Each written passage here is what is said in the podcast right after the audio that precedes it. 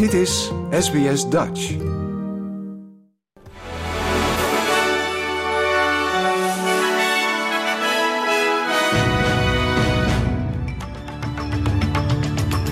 Dit is de SBS Nieuwsflits van woensdag 24 januari. Mijn naam is Paulien Roesink.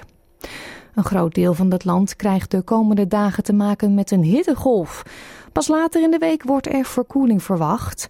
Een golf van warm weer zorgde ervoor dat in sommige regio's de temperatuur gisteren al opliep tot rond de 45 graden. North Queensland bereidt zich voor op de tropische cycloon Kirrily. Naar verwachting komt die donderdagavond of vrijdagochtend vroeg aan land. Volgens het Bureau of Meteorology neemt het tropische lage drukgebied meer tijd om aan kracht te winnen. Aanvankelijk werd voorspeld dat de storm donderdagavond al de kust tussen Cardwell en Ailey Beach zou bereiken als een categorie 3. Premier Anthony Albanese heeft de veranderingen in zijn derde fase van belastingverlagingen verdedigd en zegt dat het van cruciaal belang is om rekening te houden met de behoeften van worstelende, worstelende lage en middeninkomens. Naar verwachting zal de premier zijn plan wijzigen om het belastingtarief van 37% te handhaven en de compensatie voor lage inkomens tot 50.000 dollar te verhogen. Nationals MP Barnaby Joyce heeft de voormalige premier Scott Morrison geprezen. Tegen de ABC zei hij dat Morrison altijd betrouwbaar en een harde werker was. De oud-premier maakte gisteren op Instagram bekend de politiek te verlaten. Na 16 jaar de koekzetel te hebben vertegenwoordigd in het parlement is hij, zo zegt hij zelf, toe aan een nieuwe uitdaging in de mondiale bedrijfssector.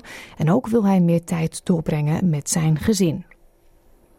Ruim duizend vrouwen hebben van de gelegenheid gebruik gemaakt om deel te nemen aan een proef om bij de apotheek een jaarvoorraad anticonceptiepil op te halen. De proef loopt sinds eind vorig jaar in Victoria, New South Wales en de ACT en is van toepassing op in, in aanmerking komende vrouwen die de pil al eerder voorgeschreven hebben gekregen. Het doel is om de regels te versoepelen, zodat vrouwen minder vaak naar de toch al drukke huisarts moeten voor de pil. En in Nederland heeft de Eerste Kamer, zoals verwacht, met een duidelijke meerderheid voor de spreidingswet van demissionair VVD-staatssecretaris Van der Burg gestemd. Van de 70 aanwezige senatoren stemden er 43 voor de wet en 27 tegen. Opvang van asielzoekers moet zo eerlijker over de gemeente worden verdeeld en bij een tekort kan dat desnoods onder dwang. De wet moet op 1 februari ingaan. Tot zover deze nieuwsflits. Volg de SBS Dutch podcast voor meer nieuws en achtergronden. Of bezoek onze website www.sbs.com.au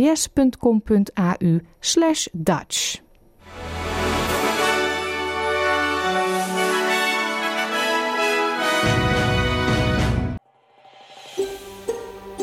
Wil je nog meer soortgelijke verhalen? Luister via Apple Podcasts, Google Podcasts, Spotify of waar je je podcasts dan ook vandaan haalt.